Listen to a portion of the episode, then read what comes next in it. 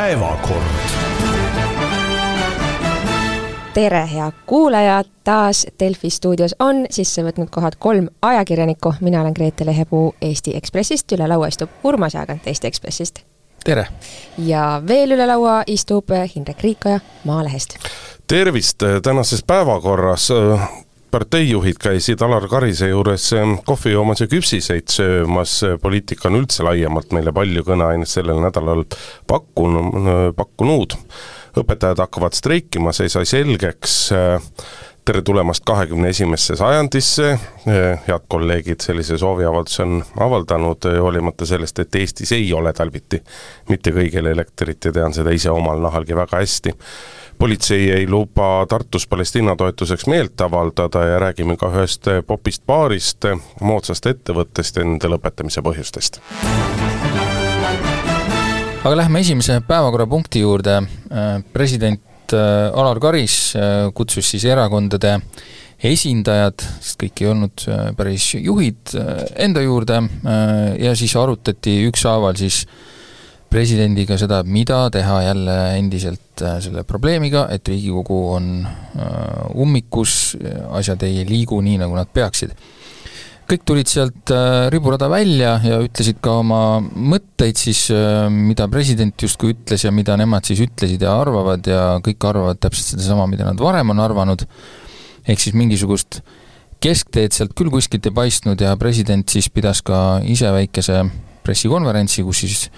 avalduses ütles, äh, et äh, noh, põhimõtteliselt kui, kui on mingisuguseid eelnõusid, mida on raske seostada riigieelarvega, aga need on olnud seotud äh, usaldushääletusega, siis ta ei pruugi neid välja kuulutada ja siis muidugi kordas üle, et Riigikogu asi on leida sellele olukorrale lahendust. no mis me targemaks saime siis? Nagu Karis ütles, et siin me nüüd seisame, kallis Eesti rahvas. ja seisame edasi. ja seisame edasi, et nagu kuskile ei pääsegi ähm,. mulle, mulle nagu meeldis Karise noh, eks see on tema roll, on ju, niisugust aatelisust kanda, et on, nüüd on nagu tööle hakkamise aeg, eks ole. et luges sõnu, selliseid sõnu peale, aga samas ega vist ta ei suutnud rõhku välja lasta sellest ähm, kiirkeedupotist, mis siin podisenud on. et, et ka tema see jäik positsioon, et ta ikkagi äh, hakkab torpedeerima ju seaduste vastuvõtmist, justkui ähm,. see noh, valas võib-olla õli tulla või siis vähemalt ei lisanud vett sinna tulla ma ei tea, kas ta õli tulla vallas, minu arust oli huvitav vaadata äh, erakonna juhtide kommentaare sellele ja kes olid need erakonnad, kes ütlesid, et eh, noh, kõik ütlesid, et kompromissile on vaja minna, kes olid need, kes, kes tulid välja oma nii-öelda nagu esimeste ettepanekutega, et et mis nõudmistega no, nemad kompromissi esi, otsima läheksid? Mhm, esita kõigepealt see oma arusaam ja siis ma ütlen, kas see on õige arusaam. ei, ei, ei, noh, kes olid need era-, noh, ma ei küsi hinnangut, ma küsin, kes olid need erakonnajuhid, kes ütlesid, et mis on siis nagu need nendepoolsed punktid, millega nad astuksid hea meelega laua taha no,, et hakata kompromissi oli. otsima. EKRE kindlasti oli, teiste kohta ma nüüd ei julge öelda, kas kellel oligi kahjuks ainus. aga see ei olnud ju kompromiss, mida nad pakkusid, ta luges ikkagi ette viis asja, millega ta ei ole nõus ei, ja ei, mida, millest nemad niimoodi vastu kuidagi tagasi. kuule,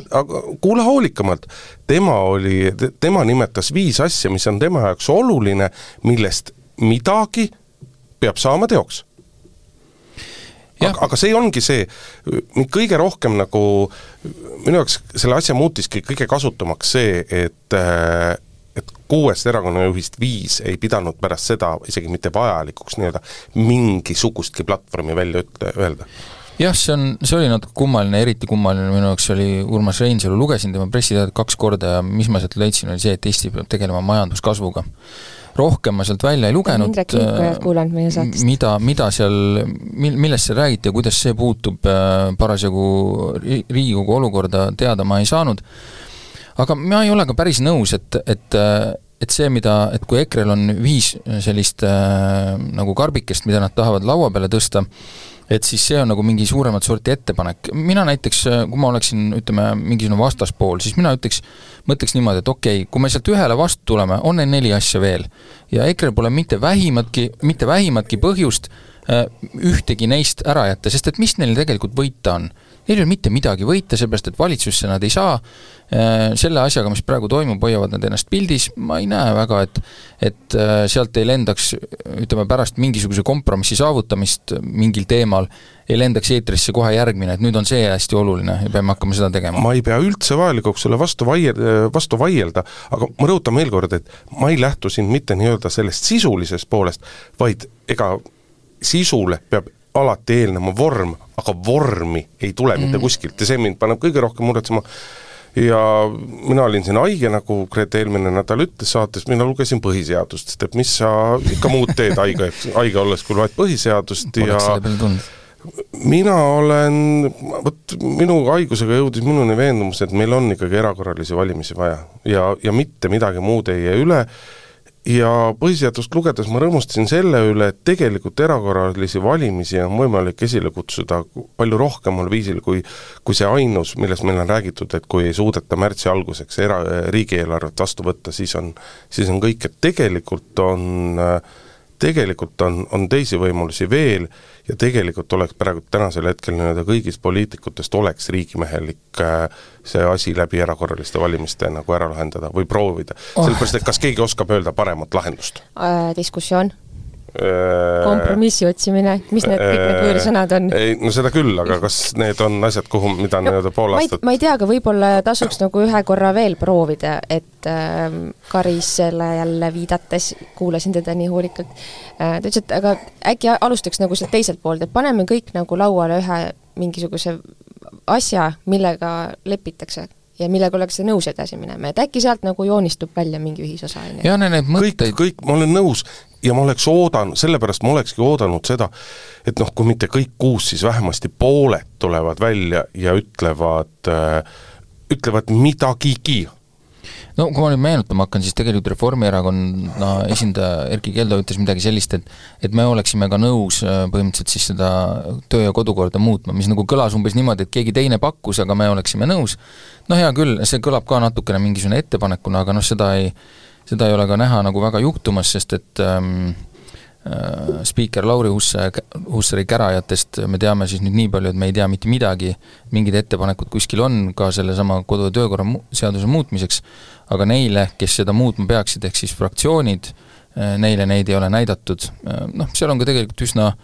asjalik põhjus, kuigi mitte eriti asjalikult sõnastatud, aga see on arusaadav, praegu ei ole mõtet lihtsalt minna mingisugust äh, põhimõttelist seadust muutma, sellepärast et äh, hetkel eelarvevaidluste ajal niikuinii mingit ühisosa ei leita. aga tervikuna ma ei tea, miks sa tahad kogu aeg nende erakorraliste valimiste juurde jõuda, ma tean, see kõlab nagu jube lahedalt ja niisugust asja pole enne olnud ja võib-olla võiks teha, aga ma ei, nagu ütles ka Karis, et, et seda ei tule mm, ja ma ei näe seda tulemas ja muidugi noh, kui me tahame siin lihtsalt intellektuaalselt huvitavat nagu mõttearendust teha, siis siis minu arvates noh, kui need peaksid tulema, siis praegusel juhul oleks põhjus mitte selles, et EKRE takistab, vaid selles, et Reformierakond sai liiga hea valimistulemuse. aga selles ei oleks nagu mingit traagikat ka, kui tuleksid erakorralised valimised, no selles tõesti ei oleks mingit traagikat ja ja miks ma hakkasin selle peale nii-öelda veel rohkem mõtlema, oli see Alar Karise lause, et kui ta küsiti eilsel pressikonverentsil, et kas et kas lahenduseks oleks see, mida, et peaminister astus tagasi, Alar Karis ütles, et tema seisu, on oma seisukoha ammu juba välja öelnud, sest et ta on ju öelnud, et Kaja Kallas oleks pidanud tagasi astuma, aga ta märkis ära, et oli ka koalitsioonierakondade juhte või, või koalitsioonierakonna juht, kes ütles, et nad näeksid seda ühe lahendusena ja lihtsalt noh, kes ei tea, siis need kaks põhiseaduse punkti, millele ma viitan, on paragrahv kaheksakümmend üheksa ja paragrahv üheksakümmend seitse, mul on ilusasti üles kirjutatud, millest esimene räägib sellest, kui valitsust ei suudeta ametisse nimetada, et president teeb kellelegi ettepaneku ja siis see ettepanek ei lähe läbi, see on selline pikem protsess, ja teine võimalus on, on, on sellisel juhul, kui parlamendis avaldatakse umbusaldust peaministrile või valitsusele ja valitsus teeb kolme päeva jooksul presidendile ettepaneku kuulutada välja erakorralised valimised. mida ju kumbagi ei juhtu äh, mida mitte kumbagi mingil juhul ei no selle, ega ma, ma ei usu jah, sellesse, sellesse tõenäosuse, aga see kahtlemata oleks üks võimalus, kuidas nii-öelda sellist kolme ja poole aastast agooniat, mille puhul ma muidugi arvan, et ega Eesti riik on ka piisavalt tugev, et isegi sellest ei juhtu Eesti demokraatiaga mitte midagi, kui meil kestabki kolm ja pool aastat parlamendis selline tsirkus ähm, lõpuks kui... ometi parlament ei ole kummitempel, nendest sõltub midagi. okei okay,, kujutame ette, et praeguste reitingute pealt siis moodustub uus parlament, on ju. aga mis on nagu maailmavaateliselt muutub, äh, mis on see mm, võti või mis on see motivatsioon, mis siis nagu ütleme, obstruktsiooni ära hoiab edaspidi Riigikogus. nüüd sa lähed selles mõttes täiesti ennustamatusse ja halli alasse, et miks tegelikult ei taha erakonnad erakorralisi valimisi. mitte keegi ei saa kindel olla, tekib väga lühikene valimiskampaania aeg. no,, eh, väga ennustamatu on eh, rahva reaktsioon, ehk tegelikult valimistulemused on väga, väga nagu ennustamatud. ega me ei tea, mis siis on, aga vaata, siis meil on nagu, siis me saame siis me saame tõepoolest ükskord pärast parlamendivalimisi öelda, et rahvas sai väga hästi aru, rahvas teadis väga hästi, millised on nii-öelda poliitilised probleemkohad, millised on ühe ja poole, teise poole seisukohad ja see mandaat on selgem kui, kui, kui kunagi varem. kas tahate võtta kümme minutit äh, vaheaega enne järgmise teema avamist või? ei, minu poolest võib kohe minna edasi. edasi minna ja see eelnev äh, viide oli siis äh, parlamendi ööistungitele, mis ka sel nädalal on kestnud, äh, lihtsalt markeerimiseks, et tõenäoliselt sel nädalal saab riigieelarve vastu võetud. Vähemalt Hussar nii lubab, Indrek vangutab pead, tal on no teist, venitamiseks on ju, on ju, on ju kõvasti võimalusi. Ja võib-olla sina, Urmas, tead täpsemalt, kuidas selle erakorralise istungi äh, nii-öelda regulatsioon on, kui kaua see kestab, kas kuni päevakorra ammendumiseni või on seal mingi ajaline piirang? sellega on nii, et kuidas tellitakse põhimõtteliselt piltlikult öeldes juhatuselt, et praegu on tellitud niimoodi, et äh, täiendav istung reedel kuni päevakorra ammendumiseni, mis tähendab, et istuvad senikaua, kuni kõik on tehtud, mis päevakorras on, ja seal ikka on jah, noh, võimalus on siis, et esmaspäeval kell üks vist peaks olema äh, uus istung algama või? ma mõtlesin, seda ma nii kaugele ette ma ei ole julgenud vaadata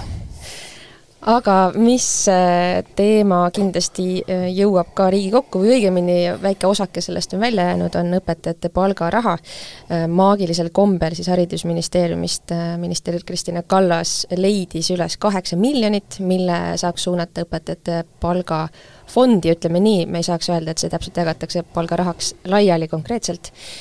ja leidis ta üles selle no nagu peaaegu otseses mõttes üheteistkümnendal tunnil mm, äh, ja nüüd edasine on päris segane. Äh, mingil põhjusel see ei jõudnud ikkagi sellesse siis riigieelarve dokumenti, mis tähendab, et praegu see eelarve, mille üle hääletus käib Riigikogus, seda kaheksat miljonit justkui ei sisalda. valitsus lubab, et mingi tehnilise mooduse nad leiavad, et see raha sinna jõuaks, aga aga vist on ikkagi kindel see, et streik tuleb, sest et see kaheksa miljonit äh, ka ei rahulda äh, Haridustöötajate Liidu äh, juhte, ütleme siis õpetajaid, ja nüüd ongi siis põhimõtteliselt kaks pusa on meil siin ühiskonnas, üks pusa on siis seesama tüli, mis ikka veel jätkub, ähm, ehk siis raha ei ole piisavalt ja streik tuleb, aga teine pusa on meil keset valitsust ähm, ja, ja segadus on siis selles, et ähm, et see hetk, kui Kristina Kallas ütles, et okei okay,, meil on nüüd kaheksa miljonit olemas äh,, lähme sellega edasi, justkui nagu oli, ma ei tea, kas Reformierakonnal oli aktsept olemas, et väga hea, paneme sisse äh, ja sotsid ütlesid, oodake, meil oleks poolteist miljonit veel vaja, et äh, ka lasteaiaõpetajate palka tõsta, seda poolteist ei leitud, ühesõnaga lõpuks jooksis aeg liivakellal otsa ja mitte miskit ei saanud tehtud ma vaatan seda eemalt ja mul tegelikult äh, vajuvad käed rüppe, et ähm, õpetajate palk, ähm, võib-olla utreerin, aga see on meie kõigi tuleviku küsimus. ja siin ei saa olla ju kuidagi nagu ükski valitsuse osapool kaotaja, et ähm, milleks on praegu vaja täpselt nagu sellises kriitilises ajahetkes, tohutus poliitilises vastuseisus, mis Riigikogus on, nagu hoida seda või tõmmata neid tekke enda poole, sest et kes kaotab? Või noh, et, nagu võita oleks kõigil, aga ometi praegu äh, kuidagi lükatakse üksteist rongi alla ja, ja Reformierakond ei tee nagu midagi, et aidata, noh, Kristina Kallas üksi justkui võitleks nende asjade eest, et see on sinu rida ja see ongi tema valdkond. aga et ähm, noh, kuidagi no, hästi, hästi paha. siin on, siin on see asi muidugi on, et kui sa ütled, et äh, kaotajat ei ole, siis tegelikult on, et äh, kaotaja on see, et esiteks Reformierakonnal on oma valimislubadused, mille jaoks on olnud raha vaja, ja selle juures on nad lubanud ka, et nad seal seda miinust, äh, ühesõnaga, et nad kuidagi eelarvet sikutavad tasakaalule lähemale, eks ole, ja lisaks on siin see asi, et kui ikkagi selgub, et selliste viisidega saab mingisugused miljonid eelarvest kätte, siis pane ennast mõne teise ministri rolli, kes leiab oma valdkonnast kindlasti teemasid, mis vald-, noh, valdkondi, mis on vähemalt sama olulised, kindlasti sama tähtsad ja peaksid olema kõigile valitsuse liikmetele ju ilmsel, ilmselgelt arusaadavad, et sinna on vaja raha juurde anda, et seda ma arvan, Mart Võrklaev tahab vältida. Ja, ja sellepärast see seis samast potist, see lihtsalt tõsteti ühest taskust teise ju ministeeriumi sees. nüüd see, mis seda segadust puudutab, on muidugi äh, huvitav, et ähm, mina üt-, mina järeldaks siis see, seda, et see streik ikkagi, see streigi nii-öelda eelne olukord enne veel, kui streik on kätte jõudnud, ikkagi avaldab valitsusel ju juba nagu kergelt mõju. et ähm, sellised asjad tavaliselt klaaritakse ära nagu oma, omakeskis, mitte ei lähe selliseks süüdistamismänguks, nagu praegu on läinud, et kes äh, mida tegi või ei teinud ja jättis tegemata või tegi liiga hilja ja viimasel hetkel ja nii edasi.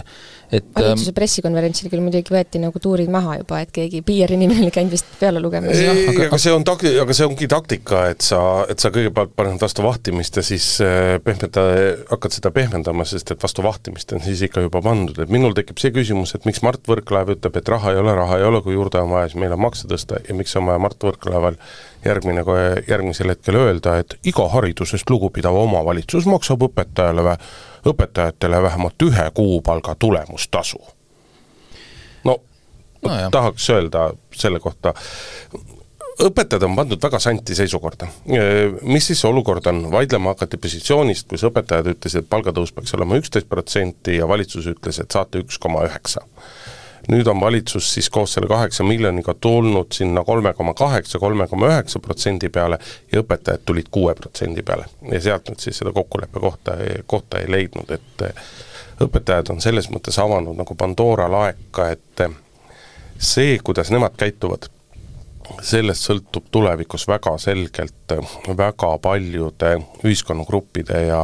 ja väga paljude riigipalgaliste saatuse, jätame siin ametnikud välja, sest et nagu me tänasest Päevalehestki, vabandust, eilsest Päevalehestki lugeda saime, siis ega siis ju ministeeriumid ikka maksavad oma ametnikele tulemustasusid, preemiaid ja kõike muud, et kuidas siis, kuidas siis teisiti saab. aga palgatõus on väiksema väiksemas määras. ei no Tuleb, kui sa võtad äh, viiel aastal. siin on ju väga ilusasti toodi selles samas loos välja, et kui äh, erasektor, erasektori asutuste põhipalgad on viimase aasta jooksul tõusnud kolmteist protsenti, siis äh, Võrklaev jättis aga mainimata, et sama uuringu põhjal on samal ajal avalikus sektoris palgad tõusnud seitseteist koma neli protsenti. ja mis on inflatsioon olnud, et noh, ma, ma ei tea, ma selle lauluga kaasa ei, ei lähe, et et inimesed ei tohi nagu äh, väärilist palka saada, ma saan aru sellest ei, noh nagu tohivad küll, aga vaata, küsimus ongi selles, et kas,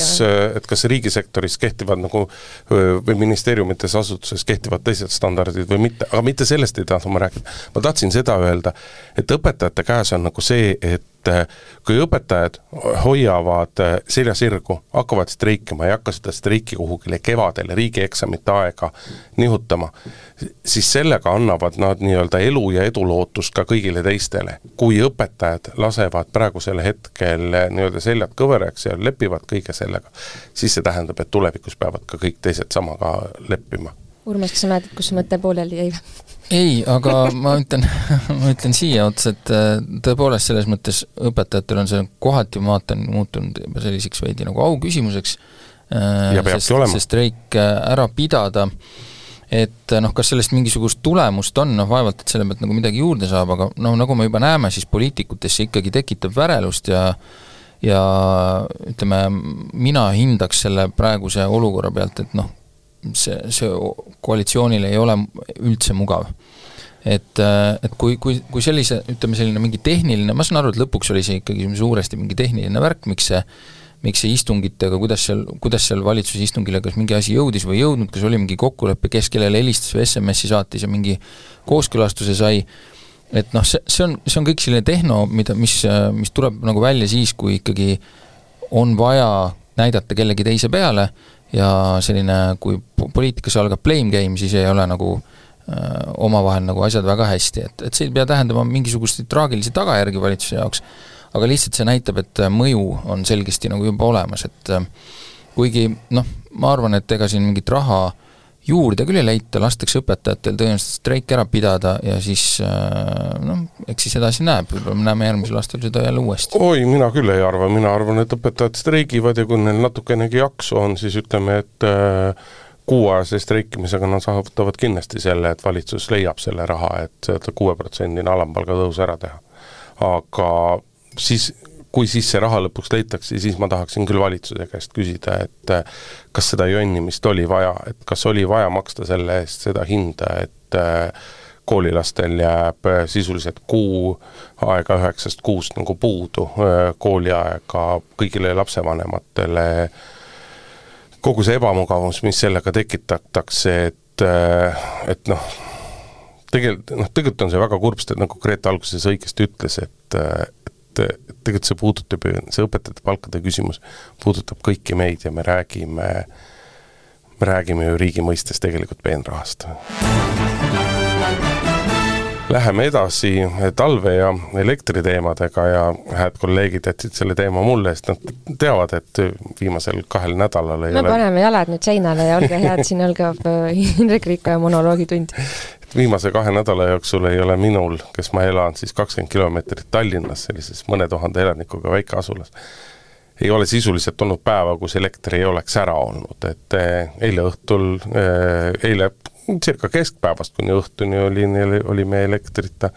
üleeile õhtul oli tore pime, eh, küünal leegitas kui lambid, eks ole, kaminast tuli põles, väga hubane oli olla. aga miks teil ei ole elektrit? puu kukkus peale kuskile või mis see vot ma tahaks ka kangesti seda teada, aga kui ma helistan sellele suurepärasele infoliinile, siis ma, siis ma kord kuulen sellest, et tegemist on kõrgepingerikkega,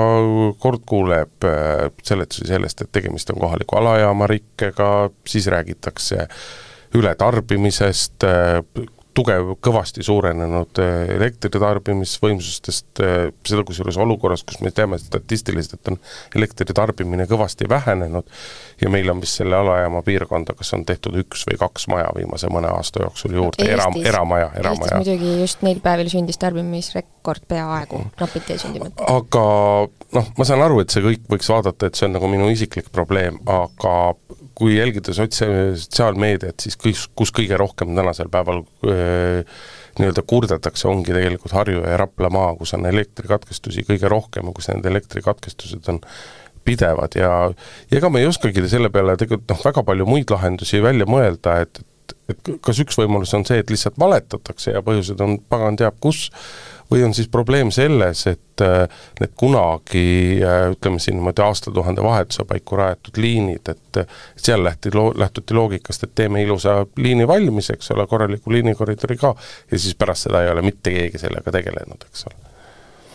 no ei tea, võib-olla siin mängib ikkagi rolli ka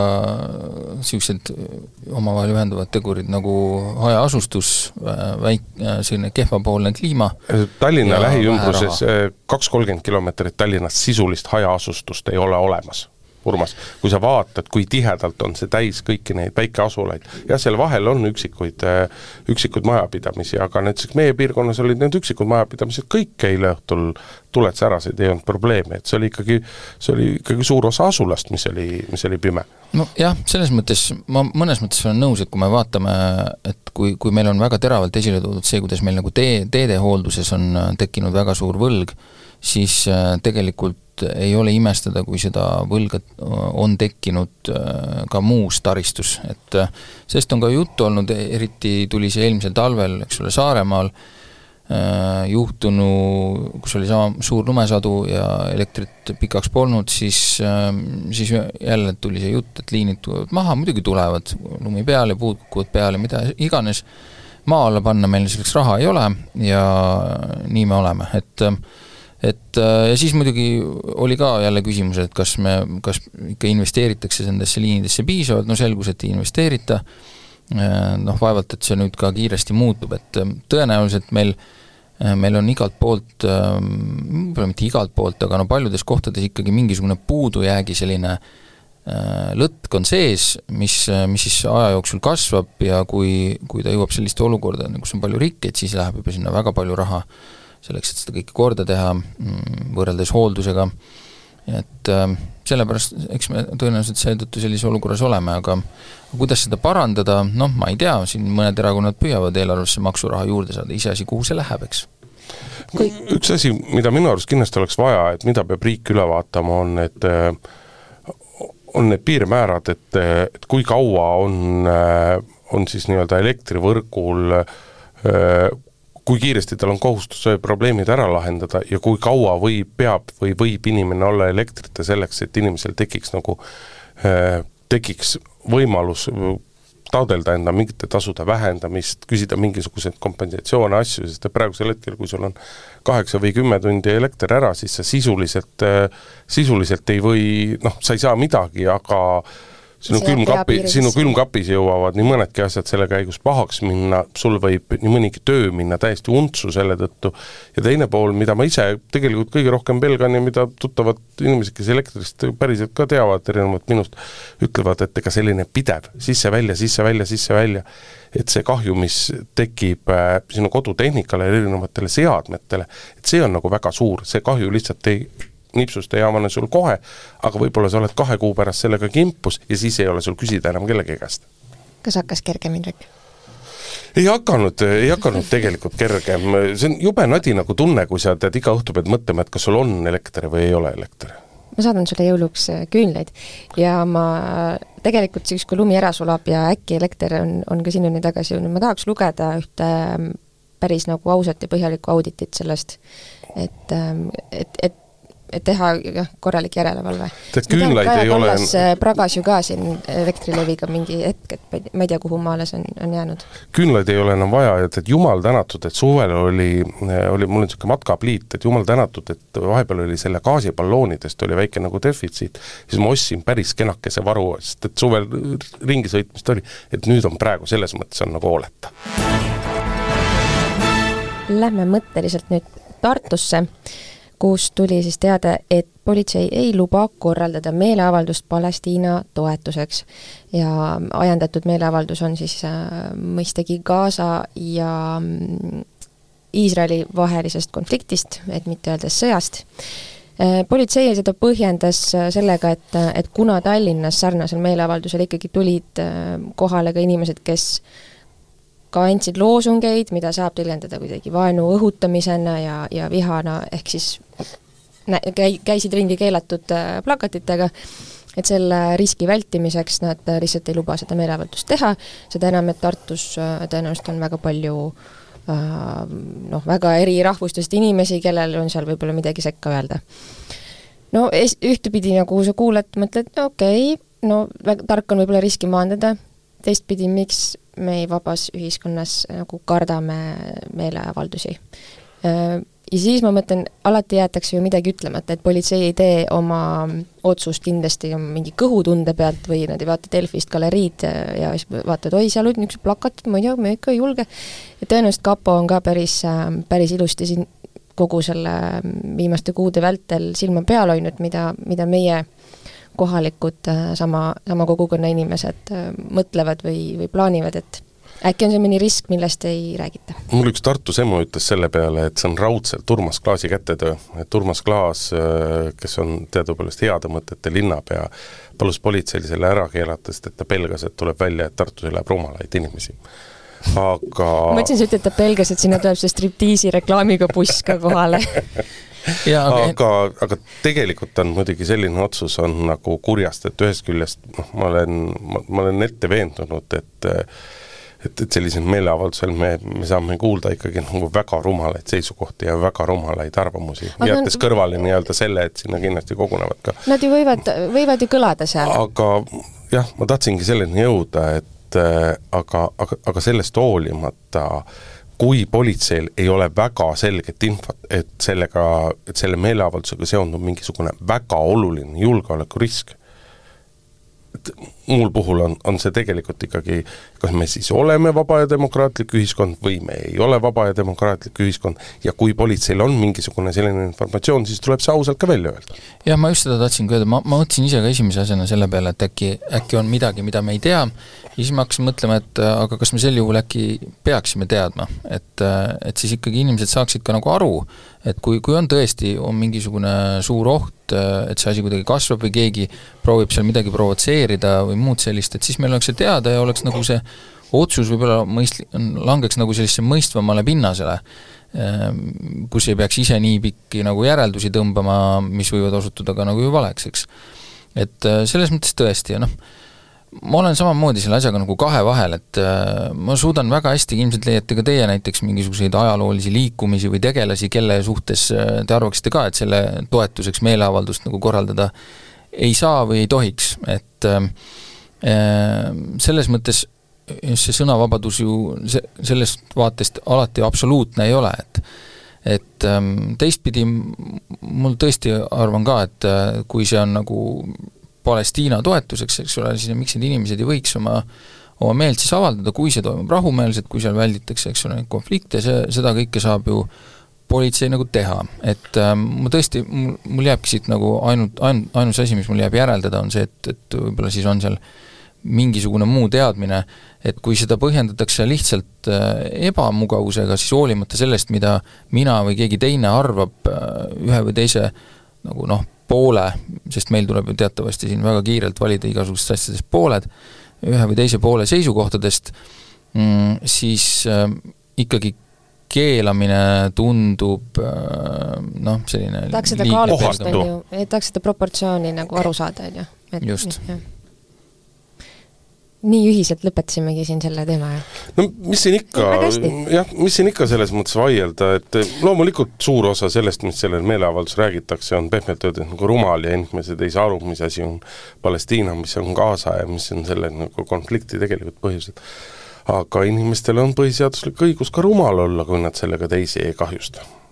Äh, võib-olla peaks mainima, et tegelikult tuli teade ka, et äh, kaks inimest said trahvi sellesama mm, Tallinna meeleavaldusel siis äh,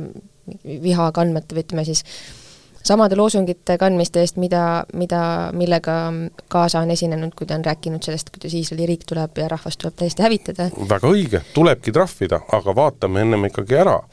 aga ma, kas on põhjust? kas me, kas see trahv oleks sündinud kas siis, kui oleks Ukraina sõda? Et äh, mulle tundub, et me oleme tundlikumad sellepärast, et meil on see kogemus, et noh, me, me ei lase ühtegi nagu putinistlikku või ütleme, Ukraina vastast sõnumit läbi, aga see on, see on nagu uus asi, ma ei mäleta, et tea, kas oleks, inimesi ma ei tea, kas oleks äh, trahv tulnud, aga, aga kindlasti loomulikult Ukraina sõda muudub, muudab tundlikumaks äh, kõigis neid küsimusi nii, küsimustes nii meid kui ja, teisi. ja võib-olla peabki, sellepärast et ka sellistes asjades peab arvestama nagu noh, päris eluliste asjadega, et kui inimesed ongi rohkem üle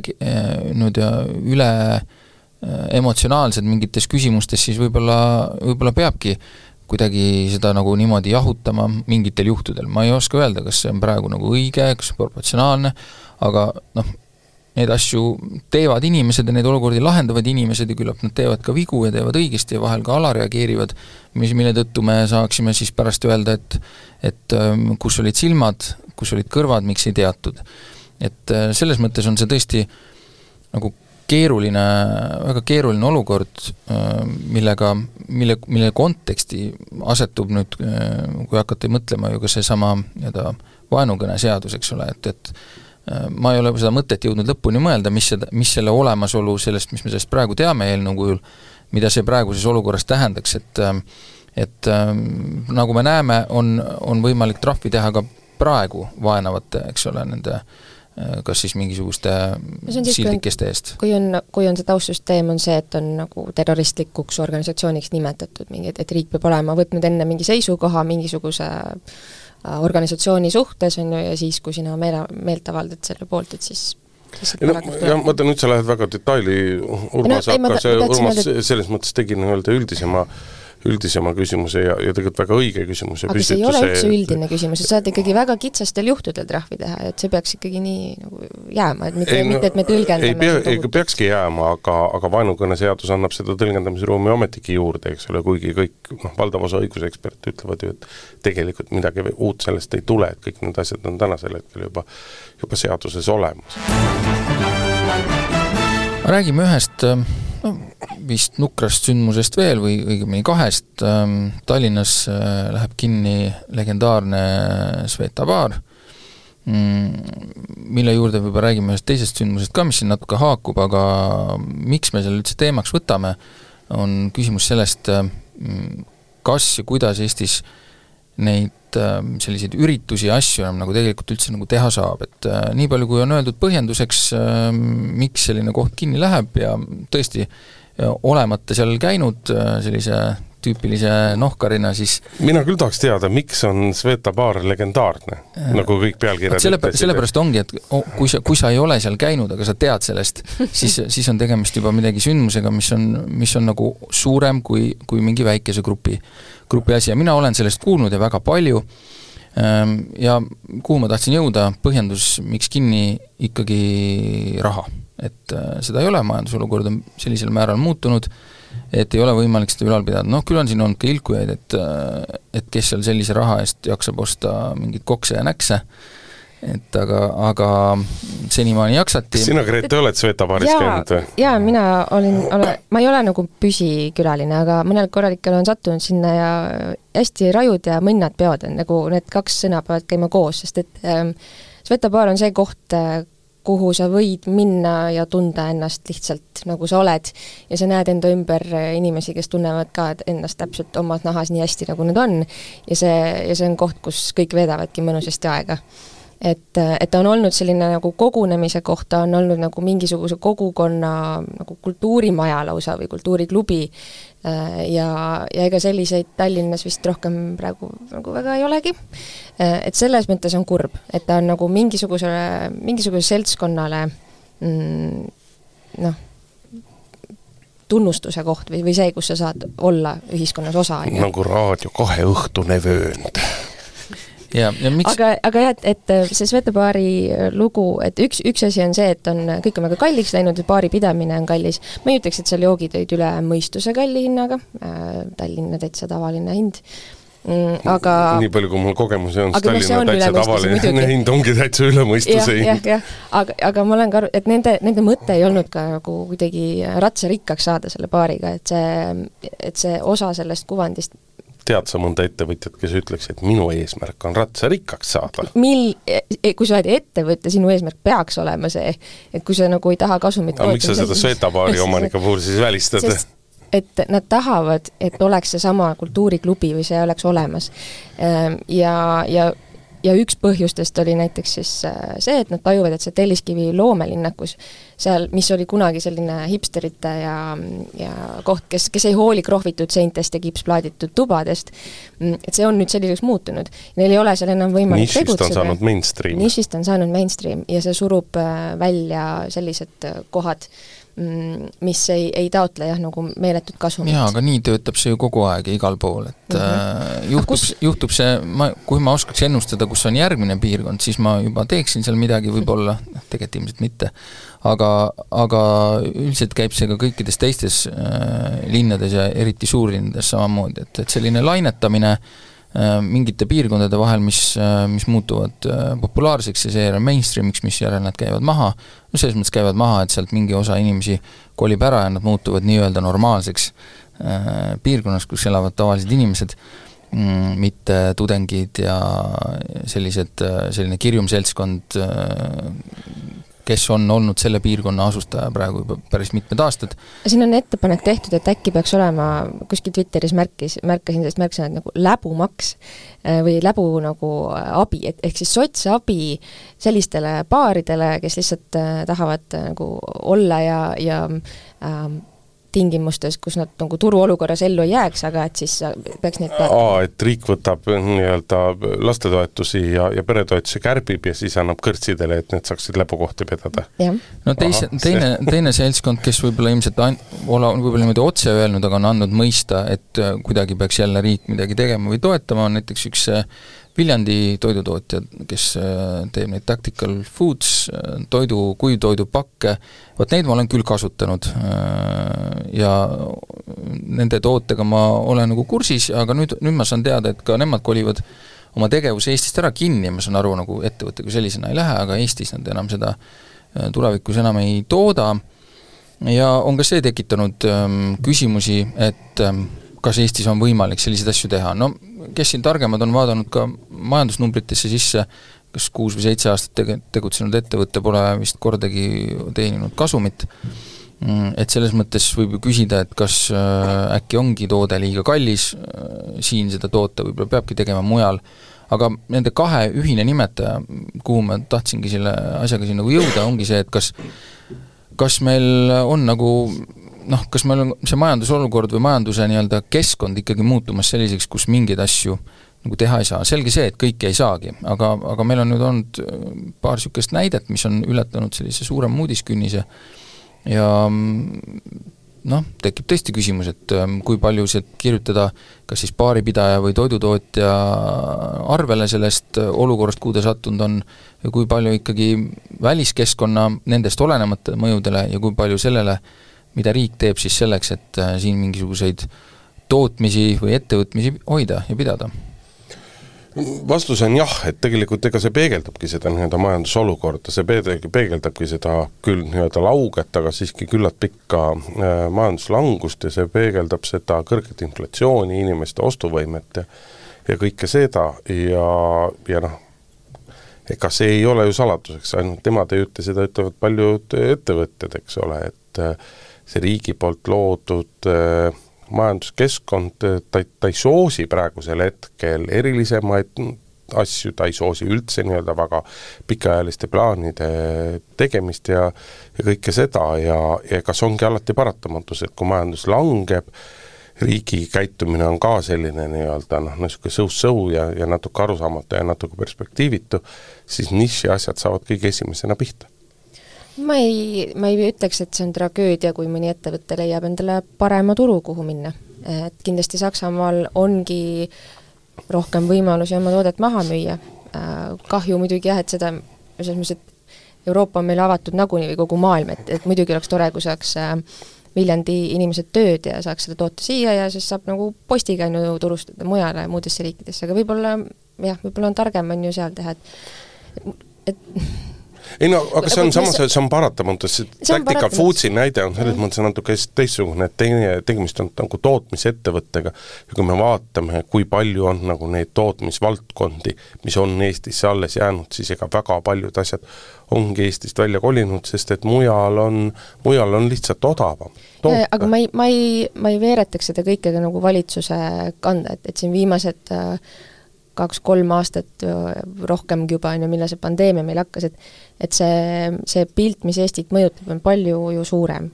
kui eales Kaja Kallase kätesse. ei, seda muidugi, aga vaata, ega see ei olegi, küsimus ei olegi selles nüüd, et, et, et riik, et Kaja Kallas peaks minema ja Tactical Foodsile raha andma, läbumaksu kehtestama ja mingeid asju veel tegema, küsimus on selles keskkonnas, mille valitsus loob ma just ütlengi seda, et see keskkond on väga väike killuke sellest nagu suurest äh, majandusookeanist, mis meie, me oleme nagu mingi väike siselaht siin, on ju, aga ja me saame tõusude mõõnadega lihtsalt väga palju pihta. noh, lähenemise küsimus, jah. nüüd sa oled küll liiga leebe, aga ütleme, kui me selle Pandora laeka avame selle vaidlusega, siis me ei jõuagi siit ära minna nii, aga teemad on läbi, kas meil äh, Grete eluloterii tuleb, eelmine nädal see jäi ära ju meil? jaa, teate, loteriid ei tee, ma, ma lihtsalt ei anna teile valida ma lihtsalt ei anna teile valida. see on see juhitav demokraatia või, millest me nüüd räägime ja, ja siis, ja siis sa imestad, et mispärast meeleavaldusi ära kirju-, keelatakse, kui sa ise täpselt sedasama tahad Mina... nagu praktiseerida. jaa, palun äh, äh Delfi äh, maja äh, fuajees äh, äh, teil on täielik luba ja ma ei tule keelama seda meeleavaldust, mida te teete eluloterii toetuseks aga äh, aasta hakkab lõppema ja Vikipeedias on tehtud taaskord väga palju klikke ja Vikipeedia on kokku lugenud, mis teemasid kõige rohkem on klikitud ja mina küsin, mis on viis kõige populaarsemat teemat see aasta sa siis mõtled nüüd ähm, sellised konkreetsed asjad, mida, mida konkreetsed on, leheküljed, konkreetsed leheküljed, mida on nagu külastatud kõige rohkem Vikipeedias. no lehekülg saab olla Eesti, lehekülg saab olla Urmas Jaagant, lehekülg saab olla mm, mm, eh, rohutirtsud no,. No, Taylor pakun... Swift. Kolmeteistkümne, kaheteistkümnendal kohal alles. Ähm, pakun siis Jordani jõe läänekallas oih, seda mis võib ka kaasaks lühendada, kuigi see on teine koht, aga, aga siiski sealsamas ei, tead, ei, ei, ei okay. jõua äh, kahekümne viie populaarsema sekka. Donald Trump? ei, sellel aastal. miks peaks teda üldse Vikipeediast otsima? ma ei tea, inimesed otsivad väga, ma olen, ma olen enam kui kindel, et need viis asja on väga pentsikud, mille põhjal me sinuga mõlemad küsime, et miks küll neid asju peaks no aga mõelda, mis, mis aasta alguses siin meil tohutult, või äh, mis sündmused on olnud, mis on kultuuris no Ukraina sõda. jaa, Ukraina sõda on ka, aga tõesti siin äh, alles kahekümne neljandal kohal ma ei tea, paistab, et me, me ei tea top kümme sündmusi maailmast. ma ei, mis te ükski ette rääkimas siin? Ei, ei, ei, need on ikka konkreetsemad asjad, no hea küll, ma aitan viiendaga välja teid juba, see on Oppenheimeri film. okei okay,, Barbi. Äh, Barbi siiski ka allpool kolmeteistkümnendal kohal, Taylor Swifti järel. muidugi see ülesanne on päris raske. mina, Urmas, olen muuseas praegu pare-, kõige parema pakkumise teinud, sest Taylor Swift ja. oli kaheteistkümnes, sa nii kõrget ei ole pakkunud. ja, ja tegelikult on see ikkagi paras pähkel, mõelge võib-olla ka nii, kus on palju inimesi, kes võiksid ühest asjast huvituda. et siin on, ütleme, üks rahvus on äh, ühe oma huviga väga tugevalt seda eest jõudnud tabelisse. kas gei-pop võiks olla üks asi või? ei ole see aasta. no siis midagi Indiaga seotud, seal on palju inimesi, aga, aga mis neid parasjagu võiks huvitada? oi kui soe, oi kui soe, soe, soe. Bollywood ei ole aga mis neid parasjagu võiks huvitada sel Sport. aastal massiliselt äh,? kriket. jaa, just, just, just äh,. äh toimus äh, kriketi maailmameistrivõistlused toimusid, äh, see sai kolmandal kohal, see, see kahe, kahe tuhande kahekümne kolmanda aasta võistluste lehekülg ja neljandal kohal on siis, ongi India enda ähm, see meistrite klubi nii-öelda, seda lehte. meistrite liiga. liiga, jah, jah, jah. aga teisel kohal on surmad kahe tuhande kahekümne kolmandal aastal. ja esimest kohta te ei, ei, ei hammusta läbi või? äkki teate kelleltki targemalt küsida? Grete, kas sina, ega sina juhuslikult ei tea, mis võiks olla sellel aastal kõige enim külastatud Vikipeedia lehekülg? ma saan aru, et äh, kannatus otsas, see on äh, chat GPT. ehk siis äh, tehisintellekt on ju läbivalt see aasta olnud tohutu teema. jah, täitsa võimalik, ma olen ka ise paar korda seal lehe peal käinud aga meie saated tehisintellekti abiga ei valmi, täitsa oma, oma bioloogilise aju abil. vähemalt me väidame nii. vähemalt me väidame nii äh,. aitäh, armsad kuulajad, et meiega jälle olite ja kohtume uuesti järgmisel nädalal. ja otsige meid mitte ainult Delfi lehelt, vaid ka tasku podcasti keskkonnast, Spotify'st, Apple'i podcasti keskkonnast ja kus iganes, see tuleb ikka alati lõppu ära öelda. päevakord